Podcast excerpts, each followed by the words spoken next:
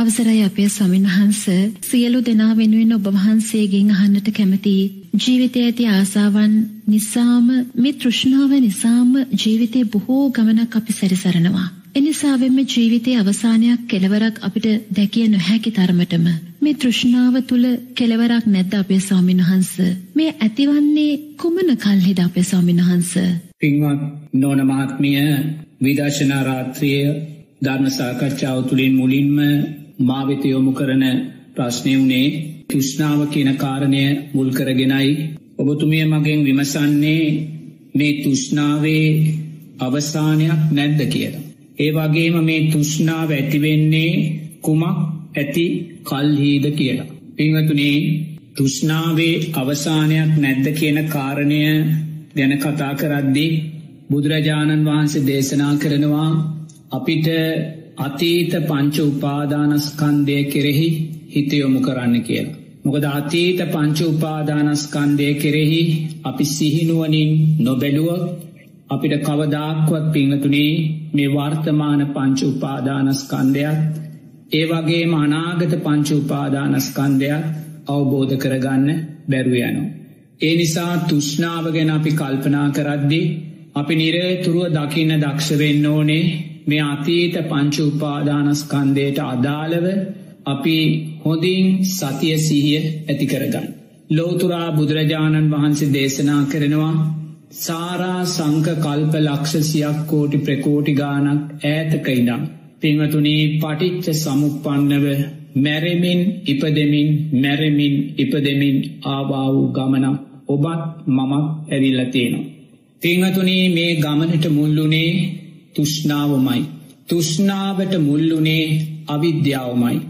සත්වයා චතුරාරි සත්‍ය ධර්මයන් නොදැනීම නිසා දුක දුක හැටියට නොදැකීම නිසා දුකට හේතුව තුෂ්නාව දුකට හේතුව හැටියට නොදකින නිසාම පිංහතුනී දුකෙන් විදීමේ මාර්ගය වෙන ආර්යෂ්ඨාංගික මාර්ගය තුළ ගමන් නොකිරීම නිසාම පිංහතුනී අවිද්‍යාව හේතුවෙන් සකස් වෙන තුෂ්නාව ඔබත් මමත් කල්පසියක් කෝටි ප්‍රකෝටි ගානක් පටිච්ච සමුපන්නව මේ බවාත්‍රය තුළ මේ දක්වා අපි වරං ඇවිල්ලතිනවා. පිංහතුනේ අපි තාමත් මේ මොකක්ද කරන්නේ මැරෙනවා ඉපදෙනවා. මේ මැරෙනවා ආයිමත් පටිච්ච සමුපන්නව ඉපදෙනවා පිංහතුනි. අතීත පංච උපාදානස්කන්දයට මං දෑස් පියාගෙන මොහොතක් හිතියොමු කරද්දි ඇත්තටම මට ජීවිතයක් කියල දෙයක් නං දකිින් නෑ පිංහතුනි. මම දකින්නේ බවාත්‍රයක් කියන කාරණය පමණක්මයි. මොකද ජීවිතයක් කියල අපිට දකින්න පුළුවන්කමක් නෑ. මොකද මේ මැරෙන මොහොතේම පිංහතුනී ආයිමත් ඊළඟ චිත්තයෙන් අපි පටිච්ච සමුපන්න ප්‍රතිසන්ධි අපි සකස් කරගන්න. එනම් අපි සෑම කෙනෙක්ම අවුරුදු හැටක් අවුරුදු පණහක් හතලියක් හැත්තෑවක් වයිසක මනුස්්‍යයෝ විතරක් නෙමේ පිංහතුනේ අපි කල්පසියක් කෝටි ප්‍රකෝටි ගානක් වයසක ගොරහැඩි මේ බවාත්‍රයේ සැරිසරණ පටිච්ච සමුපන්න සත්‍යයෝ. මේසා දීර්ග පටිච්ච සමුපන්න බව ගමනක් මේ සුගතියක් දුගතියක් බුද්ධෝත්පාද කාලත් අබුද්ධෝත්පාද කාලත් අතර දෝලනය වෙමින් පිංහතුනේ අපිව මේසා දුරක් කරංආවේ මේ අවිද්‍යාව කියන එකම කාරණය. ඒ නිසා අපි තුෂ්නාව ගැන කතා කරද්දි තුෂ්නාවට මුල්වෙන්නා වූ අවිද්‍යාවයි අපේ ඉලක්කය වියුත්ත පිංහතුනි. අවිද්‍යාව කියලා ලෝතුරා බුදුරජාණන් වහන්සේ දේශනා කරන්නේ චතුරාර් සත්‍යය නොදැනීමයි. ලෝතුරා බුදුරජාණන් වහන්සේ නමක් සාරා සංක කල්ප ලක්ෂසියක් කෝටි ප්‍රකෝටි ගානක් උතුම් දසපාර්මී ධර්මයන් පුරලා මේ ලෝකෙට පහළ වෙන්නේ මේ උතුම් චතුරාර් සත්‍ය ධර්මයෝ දේශනා කරන්න. මේ උතුම් චතුරාර් සත්‍ය ධර්මයෝ දේශනා කරද්දි ලෝතුරා බුදුරජාණන් වහන්සේ මුලින්ම දුක කියන කාරණය බොහෝම සුන්දරව අපිට පැහැදිලි කරලා තියෙනවා. ජාති ජරාව්‍යාදි මරණ සෝක පරිදේව දුක්ක දෝමනස්යන්. ප්‍රියන්ගෙන් වෙන්වීම අප්‍රියන්නා එක්වීම් පංච උපාදානස්කන්ද දුක දුක හැටියට බුදුරජන් වහන්සේ දේශනා කරන. බොහොම පැහැදිලි පිංහතුනි. මේ පැහැදිලි ධර්මය දේශනා කරන්න බුදුරජාණන් වහන්සේට බෝධිසත්වය හැටියට සාරා සංක කල්ප ලක්ෂ ගානක් දසපාර්මී ධර්මයන් පුරන්න වුණා. ඒසා ගැඹුරු පාරමී ධර්මයන්ගේ පලයක් තමයි මේ උතුම් දුක්ක සත්‍යය මේසා සරලව ලෝකයට බුදුරජාණන් වහන්සේ දේශනා කළපී. පලවෙනුව දුක ගැන දේශනා කරලා දෙවනුව බුදුරජාණන් වහන්සේ දෙවැනි ආර්සත්්‍යදි දේශනා කරනවා දුකට හේතුව තුෂ්නාවයි කියලා. අපි ජාති ජරා ව්‍යාධි මරණ දුක නිරතුරුවම මේ අත්විදින්නේ පිංවතුනී තුෂ්නාව නිසාමයි. තුන්ගෙන ආර්සත්්‍යති බුදුරජාණන් වහන්සේ දේශනා කරනවා දුකත් ඔබළඟ තියෙනවනං දුකට හේතුව තුෂ්නාවත් ඔබළඟ තියෙනවනං පිංහතුනී දුක නැති කරන්න ඔබ කළ යුත්තෙ මොකක්ද තුෂ්නාව නැති කරයිම. කෞුද තුෂ්නාව නැති කළ යුත්තේ ඔබමයි මොකද දුක තියෙන්නෙත් ඔබළඟයි තුෂ්නාව තියෙන්නෙත් ඔබළඟයි. ඒනන් දුක නැති කරන්න තුෂ්නාව නැති කළ යුත්තෙත් ඔබමයි.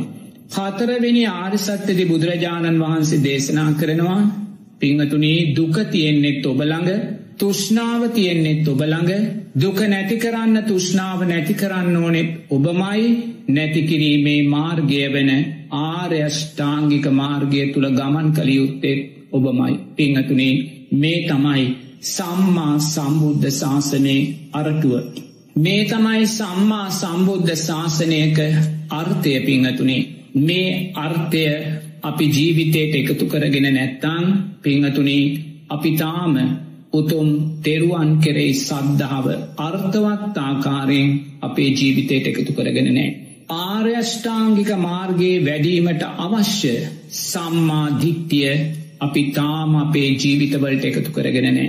පිංහතුනේ ලෝතුරා බුදුරජාණන් වහන්සේ ඔබත් මමත් වෙනුවෙනුවේ මේ උතුම් චතුරාර් සත්‍ය ධර්මයෝ ලෝකයට දේශනා කළේ. ඒ උදෙසා බුදුරජාණන් වහන්සේ කලා වූ කැපවීම මෙතෙකයි කියලා අපිට වචනවලින් කියන්න බෑපිංහතුනි. ඒසා මහා අයෝමය කැපවීමක් කරලා ලෝතුරා බුදුරජාණන් වහන්සේ මේ උතුම් චතුරාර් සත්‍යයෝ දේශනා කළත් පිංහතුනේ අපි තාමත් අදක්ෂ වෙලා තියෙනවා. ඒ චතුරාර් සත්‍ය අපේ ජීවිතය තුළින් දකින්න. ඒ චතුරාර් සත්‍ය අපේ ජීවිතය තුළින් අවබෝධ කරගන්න. ඇයි පිංහතුනේ බුදුරජාණන් වහන්සේ දේශනා කරනවා පිංහතුනේ අපි මේ ආවා වූ සාරා සංක කල්ප ලක්ෂසියක් කෝටි ප්‍රකෝටි ගානක් ඈතක බව ගමන තුළ සංස්කාරපච්චයා විඤ්ඥානං සංස්කාර හේතුවෙන් අපිට සකස් වෙන සෑම දැනීමක්ම සකස් වෙන්න පිංහතුනේ කාමත් චන්දයන්ට අදාළවයි. කාමත් චන්දයන්ට අදාළවා අපේ දැනීම් සකස් වෙන්නේ ඇයි පිංහතුනේ සංසාරයේ ඒසා කාම ලෝකවලාපි ඉපදිලා කාම සම්පත් අපි විඳල තියෙනවා.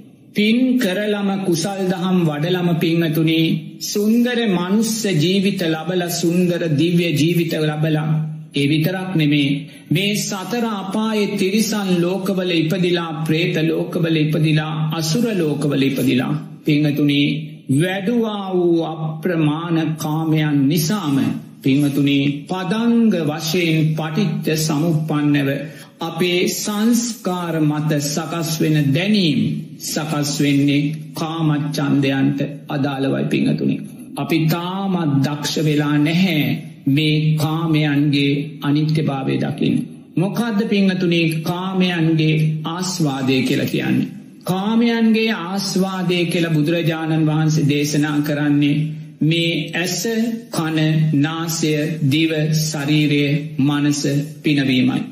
එමනම් බලන්න ගිහි පින්වතුල්ලා වන ඔබ සෑම නිවේශයකදිම විසිහතර පැය පුරාවටම අපි මොකක්ද මේ කරන්න පිංහතුනි ගිහි විතරක් නෙමේ පැවිදි අපි කාමේ ආස්වාදය තුළ ජීවත්වෙන. ඇස පිනවනවා කන පිනවෙනවා නාසය දිව ශරීරය මනස පිනවනවා.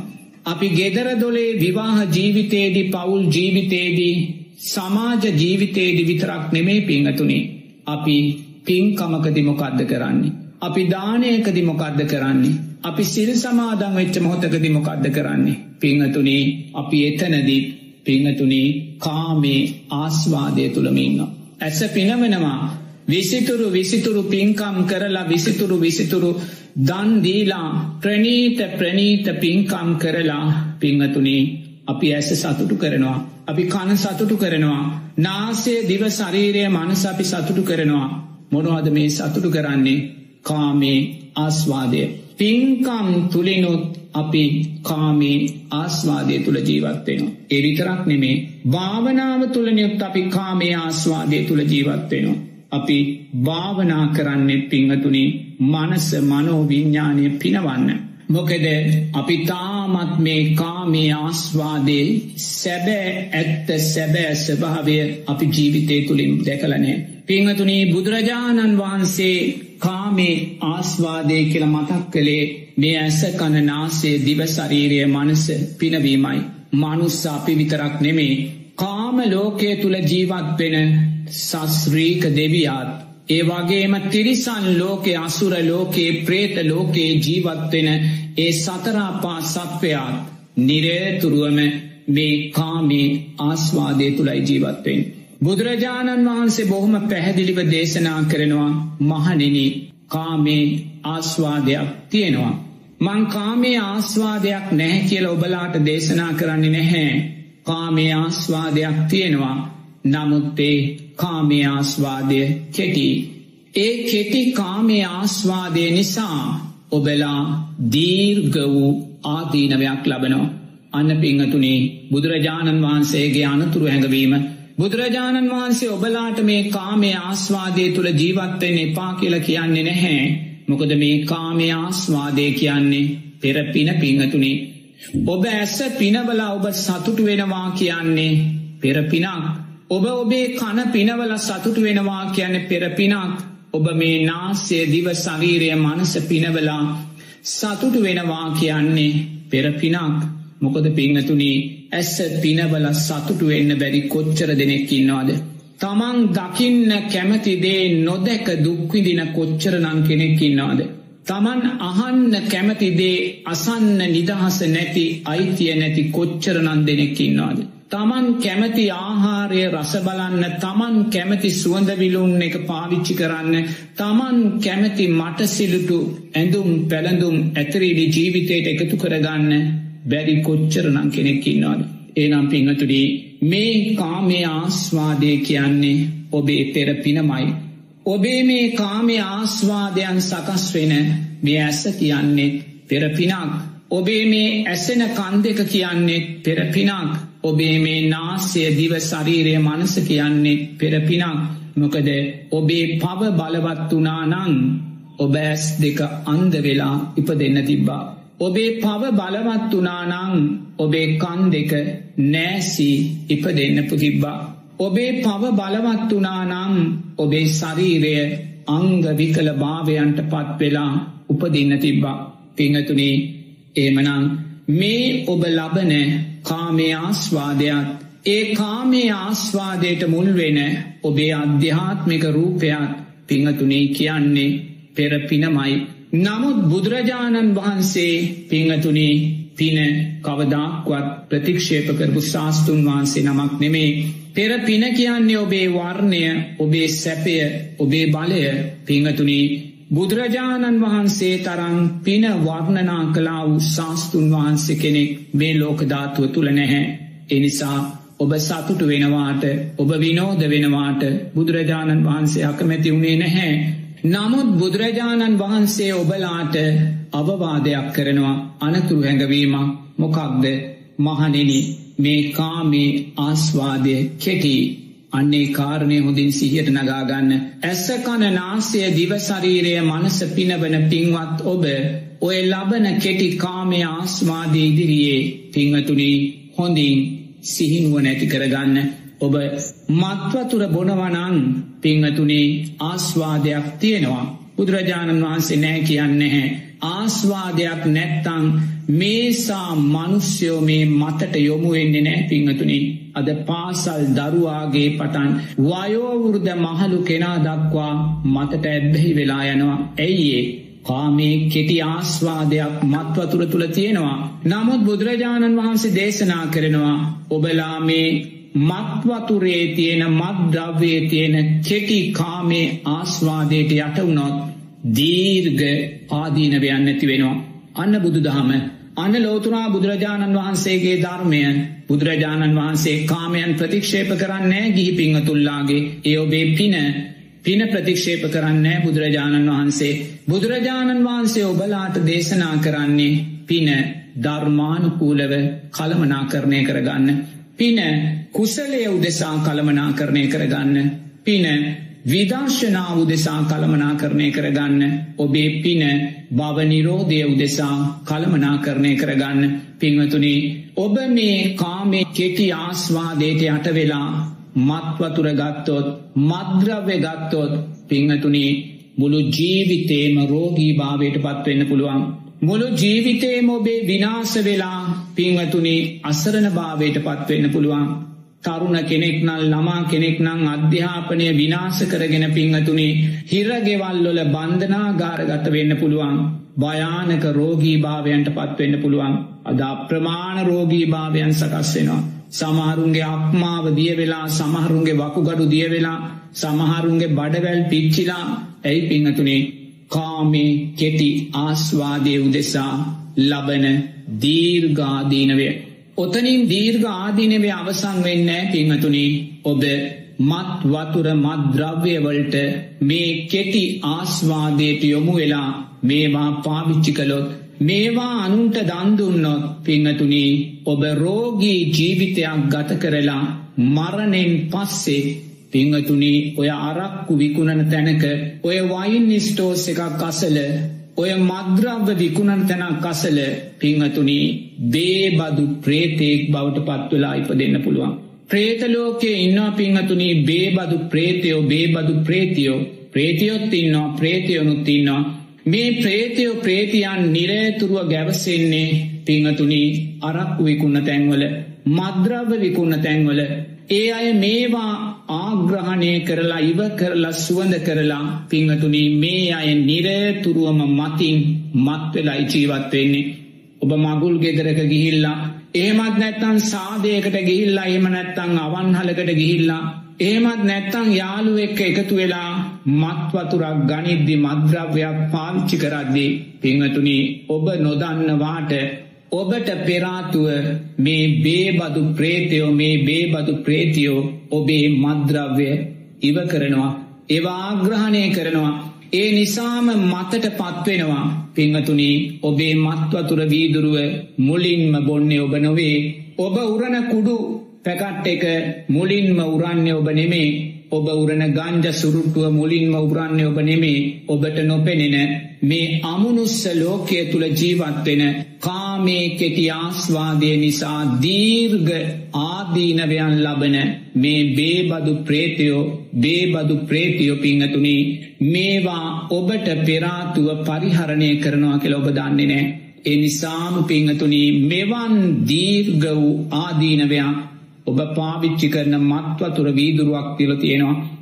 ඔබ බොන ගංජ සුරුට්ටුවක් තුළ තියෙනවා. ඔබ පාවිච්චි කරන පෙත්තක් ඔබ පාවිච්චි කරන කුඩුමුලක් තුළ මෙවන් දීර්ග වූ විනාසයක පිංහතුනි පෙරනිමිති තියෙනවා. ඒ විතරක් නෙමේ.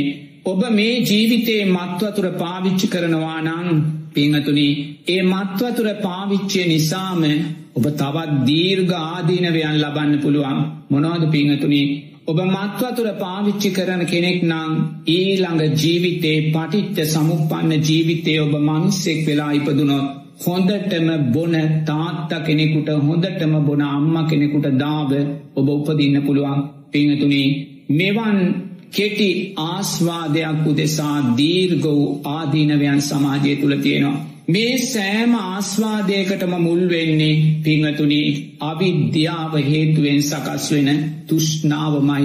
ඒ වගේමයි කාමය කෙටි ආස්වාදය නිසා පිංහතුනි ඔබ ලෝබ සිත් ඇති කරගන්නවා. කාමයන් නිසා අප්‍රමාණ ලෝබ සිත් ඇති කරගන්නවා.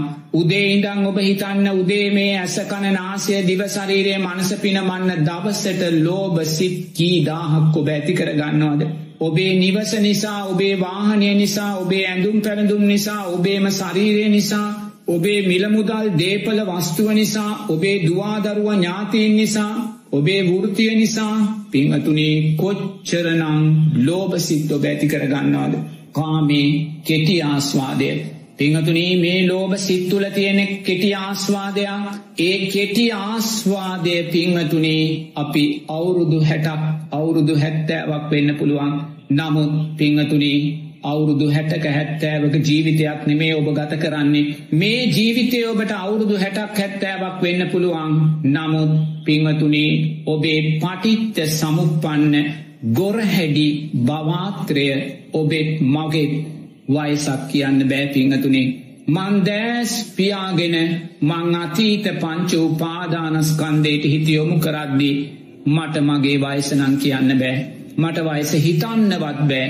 සාරා සංක කල්ප ලක්ෂ සියක් කෝටි ප්‍රකෝටි කොච්චරනං ඈතක වයසක්තිීන ගොරහැඩි මනුස්සේද මං කියලා මංහිතනවා ඒ හිතන සිතුවිල්ලත් මංගේ මොහොතේම චිත්තාන් පස්සනාවෙන් පිරිසිදු කල්ල දානවා. එතකොට පිංහතුනේ මටේ අතීතය ඒ දීර්ඝාතීතය මට වර්තමානයේ විදර්ශනාමය ධර්මයක් බවටම පත්වෙනවා මේ සුන්දර විදර්ශනා රාත්‍රිය ශ්‍රවනය කරන ඔබ මේ සුන්දර රාත්‍රියයේ සිරස ගුවන් ඉදිලී දිරිවාඩි වෙලා මොහොතක් දෑස්පියාගන්න මොහොතක් දෑස් පියාගෙන අතීත පංච උපාදානස්කන්දයට හිතියොමු කරන්න පිංහතුනී ඔබේ වර්තමාන වයිස කියද අවුරුදු විස්සක් වෙන්න පුළුවන් තිහක් කතලියක් පණහක් හැටක් වෙන්න පුළුවන්. පිංහතුනී ඒ මුලාවට යන්න එපා. ඒ කෙටි කාමේ ආස්වාදයට ඔබ කොටුවෙන්න එපා. පිංහතුනී අතීත පංචු උපාදානස්කන්දයට හිතයොමු කරන්න ඔය පියාගත් දෑසින්ම අතීතේ සාරා සංක කල්ප ලක්ෂසියක් කෝටි ප්‍රකෝටි ගාන සම්මා සම්බුද්ධ ශාසන ලක්ෂගාන සතරාපාය මහගෙදරක් පිංහතුනී කරගෙන ආවා වූ දීර්ගාතීත බවාත්‍රය සිහිපත් කරලා ඔබ දකින්න ඔබට වයස කොච්චරද කියලා. පිංහතුනී මොනසා ගොරහැඩි මොනසා වයෝවුර්ද මනුස්්‍යයෝද අපි පිංහතුනේ නමුත් අපි තාමත් පිංහතුනි වයස ඉදිරියේ හුරතල් වෙනවා. මේ භයානක අතීත පංච උපාදානස්කන්ද ලෝකය මතු කරන්නේ නැහැ පිංහතුනි මේ ජීවිතේ ගොර හැඩිභාවය දකින්න. මේ ජීවිතේ වයෝවෘර්ධභාවය දකින්න කල්පසියක් කෝටි ප්‍රකෝටි ගානක් වයෝවෘර්ධ ගොරහැඩි ජීවිත අපි මේ ගත කරන්නේ. මේ බවාත්‍රය අතීත බවාත්‍රයම පිංහතුනී එකම ජීවිතයක් බවට අපේ පත්වෙලා තියෙනවා. කුමක් නිසාද? අවිද්‍යාව හේතුවෙන් සකස් වෙන තුෂ්නාව නිසා. පිංහතුනී මේ කාමේ කෙටි ආස්වාදයට ඔබ යටවෙන්න එපා. ඔබ කාමේ කෙටි ආස්වාදයට යටවෙලා ඔබ ලෝබ සිත් ඇතිකර ගත්තොත් ලෝබසිතේ කෙටි ආස්වාදයක් තියෙනවා මං නැහැ කියන්නේ බුදුරජාණන් වහන්සනෑ කියන්නේ.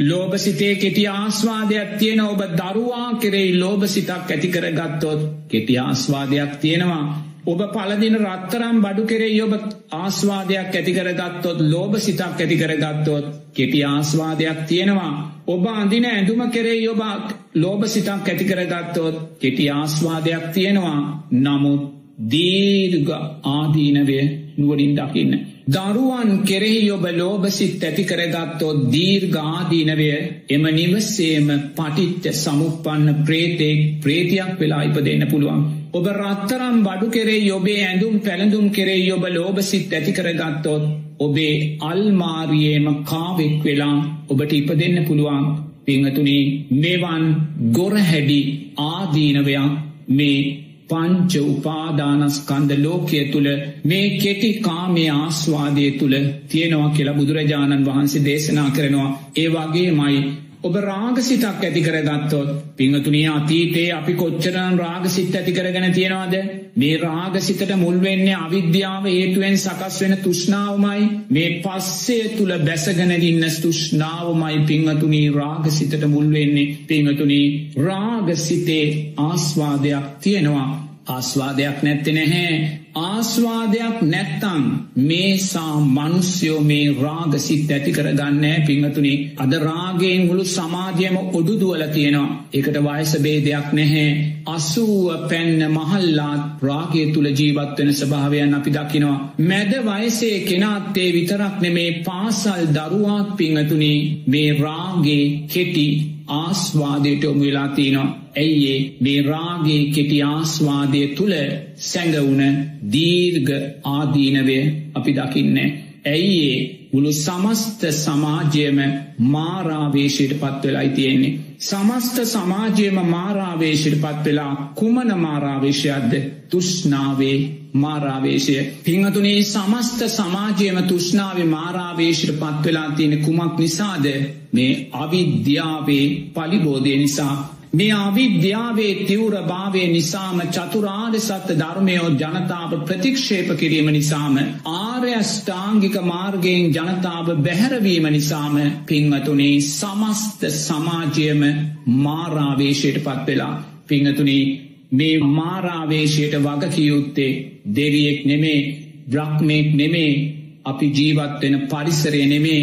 පිංහතුනී මේ මාරාවේශයට ධර්මානුකූලෝ වගකියයුත්තේ මේ රටේ මෙතෙක් හිටියා වූ රාජ්‍ය නායකින් මයි පිංහතුනේ අංක එක මාරාවේශයට මුලින්ම පත්වෙන්නේ රටක රාජ්‍යනායකයයි.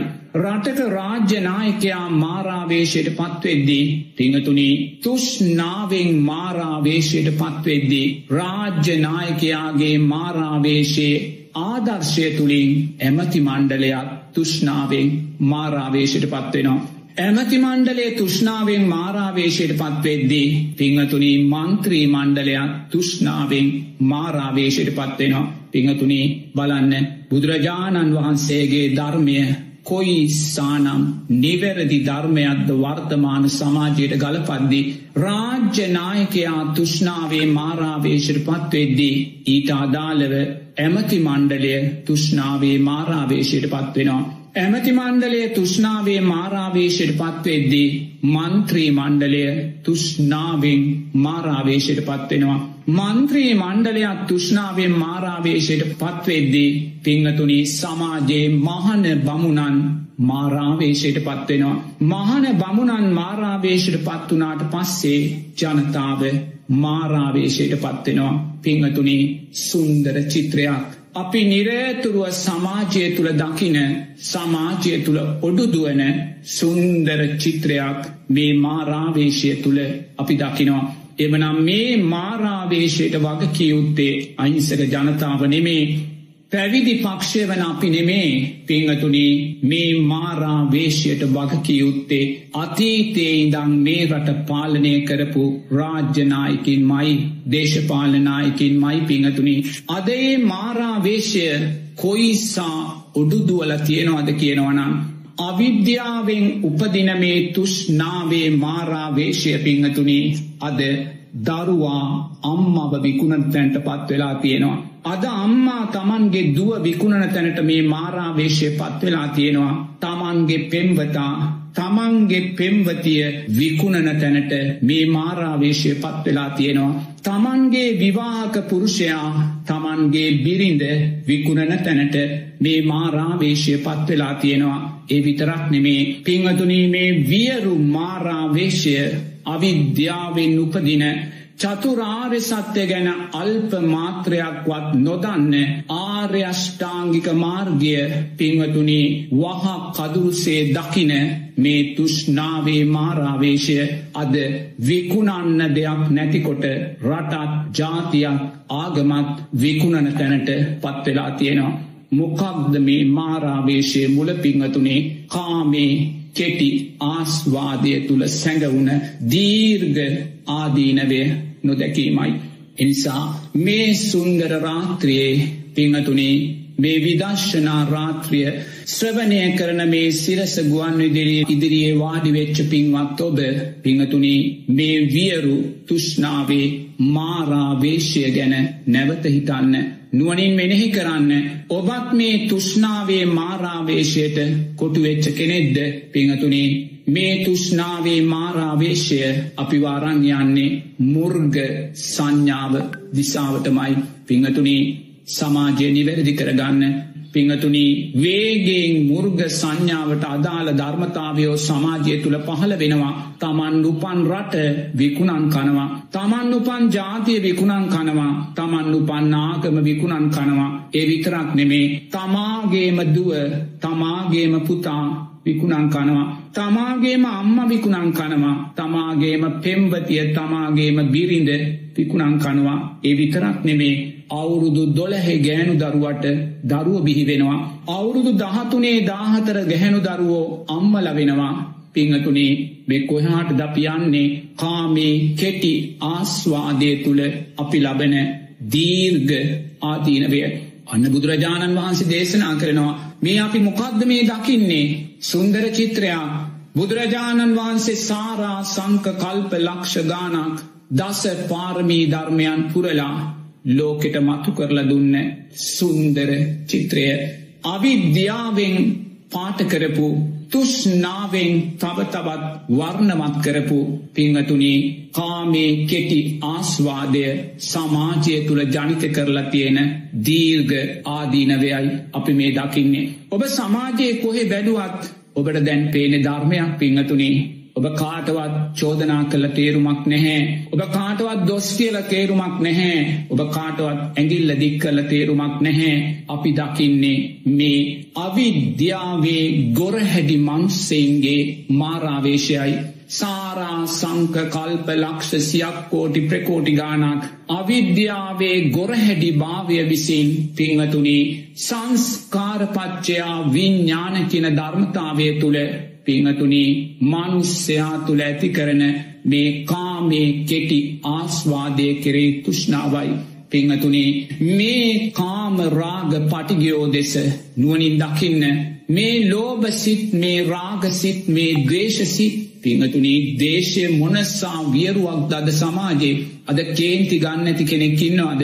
පිංහතුනේ ඔබේ හද සාක්ෂයට තට්ටු කල් අහන්න ඔබ දවසට කී පාරක් කේන්ති ගන්නවාද කියලා. කී පාරක් දේශ කරනවද කී පාරක් පලිගන්නවද කී පාරක් මෝ සිත් ඇති කර ගන්නවාද පිංහතුනි. මේ කාමේ කෙටි ආස්වාදය තුළ ඔබ ලබන්නා වූ දීර්ඝ ආදීනවයන් මේ ජීවිතය ඔබ අවසන් කරන්නේ පිංහතුනි පටිච්ච සමුපන්නව නැවත නැවතත් අපි සතරාපාය මහගෙදරක් කරගන්න තත්වටයි අපි අරංයන්නේ එනිසා පිංහතුනේ මේ කෙටිකාමේ ආස්වාදය තුළ අපි විඳින්නා වූ දීර්ඝ ආතීනවයන් සමාජය තුළ විවෘත්තව ප්‍රකටව ඒහි පස්සිකව බැබලෙනවා.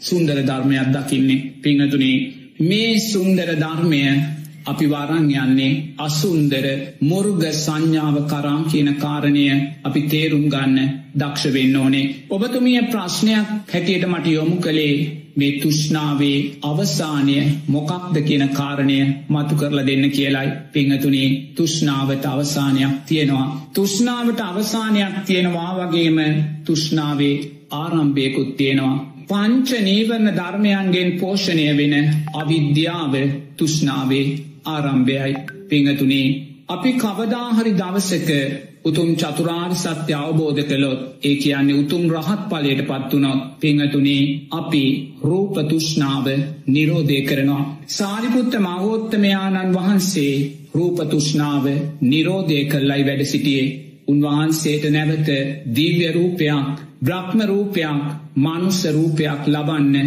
තුෂ්නාවක් නෑ පිංහතුනේ ඇයි? රූපතුෂ්නාව නිරෝධය කලා රූප තුෂ්නාව නිරෝධය කලානං පිංහතුනී රූපය ඇසුරෙන් සකස් වෙන පස්ස වේදනා සංඥා සංකාර පිළිබඳ විඤ්ඥාන පිළිබඳ ප්‍රශ්නයක් මතු වෙන්නේ නෑ. ඇයි රූපතුෂ්නාව නිරෝධය කලා සාරිපුත්ත මහෝත්තමයාණන් වහන්සේ රූපතුෂ්නාව නිරෝධය කරපු නිසාම බුදුරජාණන් වහන්සේ දේශනා කරනවා. ඔබේ පටිච්ච සමුපපන්න විඤ්ඥානයට නිවස වෙන්නේ රූපයයි කියලා හොදින් තේරුම් ගන්න. පටිච්ච සමුපපන්න විඤ්ඥානයට ගෘහය වෙන්නේ රූපයයි කියලා. පටිච්ච සමුපපන්න විඤ්ඥානයට ආහාරය වෙන්නේ රූපයයි කියලා පිංහතුනේ සාරිපුත්ත මහෝත්තමයාණන් වහන්සේ පටිච්ච සමුපන්න විඤ්ඥානයට තියෙන ගෘහය නිවස ආහාර අහිමි කරලයි වැඩහිටියේ. ඇයිඒ රූපතුෂ්නාව නිරෝධය කලා. රූපතුෂ්නාව නිරෝධය කරපු තැනදී තමා තුළ සකස් වෙන පටිච්ච සමුපන්න විඤ්ඥානයට නැවත නිවසක් නෑ පිංහතුනි නැවත ගෘහයක් නෑ. නැවත ආහාර නැහැ.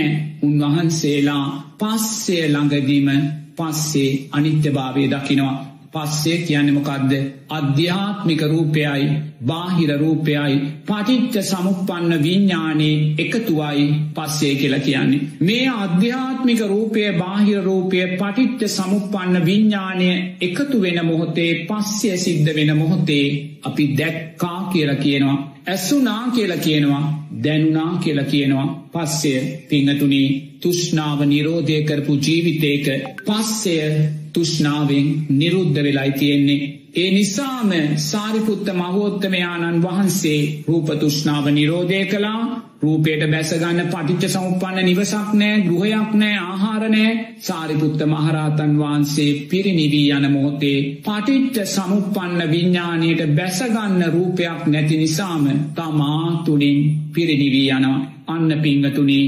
තුෂ්නාවේ අවසානය ඔබතුමිය ඇහුවා වූ තුෂ්නාවේ අවසානය අවිද්‍යාවේ අවසානය තමා තුළින්ම පටිත්ත සමුපන්න විඤ්ඥානය පිරිනිවීයාමයි පිරිනිවීගේයි පිංහතුනේ. පටිත්ත සමුපන්න විඤ්ඥානයට බැසගන්න තියෙන ගෘහය අහිමි කලා පටිච්ච සමුපන්න විඤ්ඥානයට නැවත බැසගන්න තියෙන නිවස අහිමි කලා පටිච්ච සමුපන්න විඤ්ඥානයට පෝෂණය වෙන්න තියෙන ආහාර අහිමි කලා පිංහතුනේ තමා තුළින් පටිච්ච සමුපන්න විඤ්ඥානය නිවීගියා අන්න අවිද්‍යාවේ අවසානය. අන්න තුෂ්නාවේ අවසානය. ඔබතුමේ ඇහුවේ මේ තුෂ්නාවට අවසානයක් නැද්ද කියලා. පිංහතුනේ අවසානයක් තියෙනවා. ඒ අවසානය තමයි පිංහතුනේ ඔබ දක්ෂවියතුයි මේ පස්සේ තුෂ්නාව නිරෝධය කරන්න.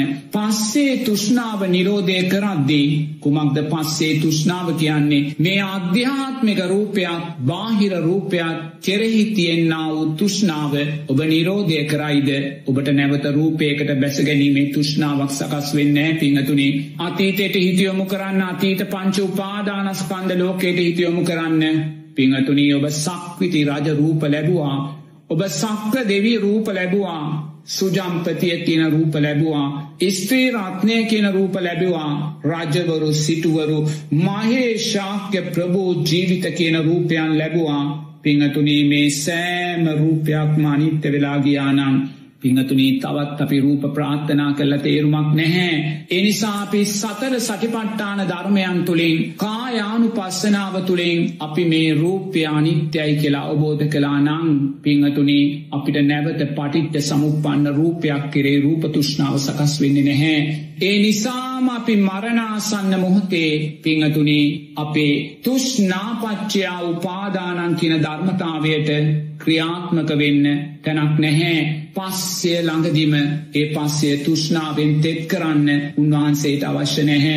උන්වහන්සේ රූප තුෂ්නාව නිරෝධය කලායේ නිසාම වේදනා සංඥා සංකාර විඤ්ඥානයන් කරේ තුෂ්නාව නිරුද්ධ වෙලා පස්සේ අවිද්‍යාව නිරෝධය කරපු තැනදී පිංහතුනි තුෂ්නාව තමා තුළින්ම අවසන් වෙනවා.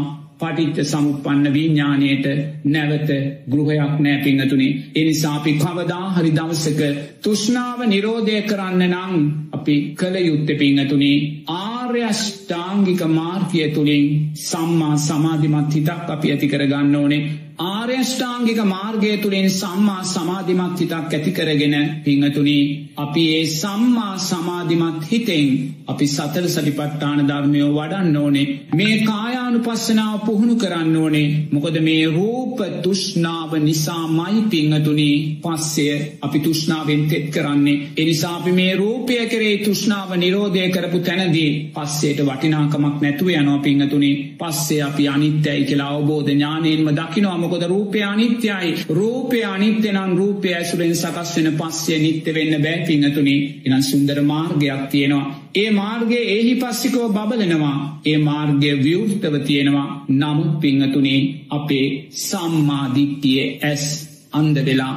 පිංහතුනි මේ සම්මා දිට්ටිය ඇස අන්දවීම නිසාම සමස්ත සමාජයම තුෂ්නාවෙන් මාරාවේශයට පත්වෙලා පිංහතුනි තුෂ්නාවෙන් මාරාවෙච්ච මේ සමාජය දෙස නැවත බලන්න. ඒ තුෂ්නාවේ මාරාවේශ සමාජයේ කොටස්කරුවෙක් නං ඔබ වෙන්න එපා. කෙටි ආස්වාදයක් තියෙනවා නැහැ කියන්නේ නැහැ. කෙටි ආස්වාදයක් නැත්තං මේසා මනුස්්‍යයෝ මේ කෙටි ආස්වාදේ ගොදුරු බෞට පත්වෙන්න නෑ පිංහතුනි නූගත් මනුස්සෙත් මේක ගොදුරු වෙනවා. උගත් මනුස්්‍යයොත් මේකට ගොදුරු වෙනවා පිංහතුනි බලවත් මනුස්්‍යයෝ ධනවත් මනුස්්‍යයෝ මේ හැම දෙනෙක්ම මේකට ගොදුරු වෙන්නේ ඇයි කාමේ කෙටි ආස්වාදයක් තියෙනවා. ඒ විතරක් නෙමේ මහනෙන රූපේත් ආස්වාදයක් තියෙනවා. නමුත් රූපේ ආස්වාදය කෙටි මොකද රූපේ ආස්වාදය කියන්නේ තාරුන්නේ රූපය පිංහතුනී තාරුන්නේ රූපයක් ගන්න අවුරුදු දාසයක දාහතක දහටක මේ තාරුන්නේ රූපේ තියෙන සුන්දරත්වය රිත්මය ප්‍රභාශ්‍රභාවය ලාලිත්‍යය සුන්දරත්වය මේ තාරුන්නේ රූපේ ආස්වාදයයි. පිංහතුනි අද මේ තාරුන්නේ රූපේ ආස්වාදය පිංහතුනි මාරාවේශයට ප්‍රධානම ඉලක්කයක් වෙලා තියෙනවා. මේ තාරුන්නේ රූපේ කෙටි ආස්වාදය ඉදිරියේ දීර්ඝාදීනවය මතු කරගන්න මේ ධර්මය අදාළ වෙන්න විශේෂයම වැඩිහිටි පාසල් දරුවන්ට තරුණ දරුවන්ට පිංහතුනි මේ රූපේ කෙටි ආස්වාදයට කොටු වෙන්න නං එපා. ඔබ මේ රූපේ කෙටි ආස්වාදයට කොටු වෙලා අම්ම තාත්තලට අකී කරුණොත් වැඩිහිටියන්ට අකී කරුණොත් සිල්පද බින්දොත් පිංහතුනි දුරාචාරයට යොමුණ මේ අපේ සංස්කෘතියට පටහැනිම කටයුතු කොළොත් අපේ මේ සදාචාරයට පටහැනිම කටයුතු කොළොත් පිංහතුනි මේ ජීවිතේදීම ඔබලාට ආදීනවයන්නෙනවා. මොකද මේ ජීවිතය ආදීනවය කියන්නේ? ඔබේ මුළු ජීවිතෙම අඳුරුවෙන්න පුළුවන්. ඔබලා එකිනෙකාතින් අතට යන කෙනෙක් බවට පත්වවෙන්න පුළුවන්. පිනතුනේ ගනිකා වෘතිය වැනි භයානක දුක්ඛිත තංවලට අපි පත්වෙන්න පුළුවන්. මේ රූපේ ආදීනවය මතු කර නොගත්තොත් ඒ විතරක් නෙමේ රූපේ කෙටි ආස්වාදයට යට වුණොත් මෙලව ජීවිතය අපි අසාර්ථක කරගන්නවා වගේ. අපේ ජීවිත විතරක් නෙමේ අසාර්ථක වෙන්නේ. ඊළඟ පරම්පරාවේ ජීවිතත් අපි අසාර්ථක කරනවා. ඒ අනාගත පරම්පරාවේ ජීවිත අසාර්ථකුණොත් පිංහතුනේ ආයිමත් අපිට රටක් ජාතියක් ආගමක් සම්මා සම්බුද්ධ ශාසනයක් ගැන කතා කරන්න වෙන්නේ නෑ. එනිසා මේ රූපේ කෙටි ආස්වාදයට යටවෙච්ච සමාජයක් කොහේ බැලුවත් අපි දකින්නේ. පාසලක ගත්තත් ප්‍රකාරක පන්තියක් ගත්තත් සමාජය ගත්තත් වෙළඳත් පොලක් ගත්තත් මුහුදුවෙරලක් ගත්තත් මහපාරක් ගත්තත් පිංහතුනේ මේ රූපේ කෙටි ආස්වාදයට රැවටෙන්නේ අර පළගැටියේ ගින්දරට රැවටෙනවාගේ පිංහතුනේ. ඇයි චතුරාර් සත්‍ය දන්නේ නැහැ. දුකට හේතුව තුෂ්නාව කියලා දන්නේ නැහැ. තුෂ්නාව ඉදිරියේ සකස් වෙන්නේ ජාති ජරා ව්‍යාධි මරණ දුකමයි කියලා අපි දන්නේ නැහැ. එනිසා පිංවතුනී අර ගින්දරට ඇදිල යන පළගැටියා වගේ පාසල් දරුවාගේ පටන් වැඩිහිටියා දක්වා මේ කෙටි රූපේ ආස්වාදයට කොටු වෙලා කෙටි කාමේ ආස්වාදයන්ට බැඳිලා මෙල්ලව ජීවිතයක් විනාස කරගෙන අපේ ඊළඟ පරම්පරාවත් විනාස කරගෙන සම්මා සම්බුද්ධ ශාසනයක් අහිමි කරගෙන පිංහතුනී සතරාපායට වැටිලා තිරිසන් ලෝකවල කල්ප ගණන් දුක්විදින සත්‍යයෝ බවත අපි පත්වෙනවා. පිහතුනී මේවන් සුන්දර ධර්මයක් තියෙනවා මෙවන් සුන්දර ධර්මයක් ලෝකයේ කෝටි ප්‍රකෝටි ගානත් ජනතාවකට අහන්න නැහැ. නමුත් ඔබටේ භාග්‍ය තියෙනවා. ඔබේ භාග්‍ය දෝතින් දරාගන ඉපදිලා තියෙන්නේ. ඒ ඔබේ පුං්ඥවන්තභාවය සංසාරය ඔබ පින්කම් කරලා ප්‍රාර්ථනා කරලා තියෙනවා. අනේ මට සම්මා සම්බුද්ධ ශාසන මුණගැහේවා.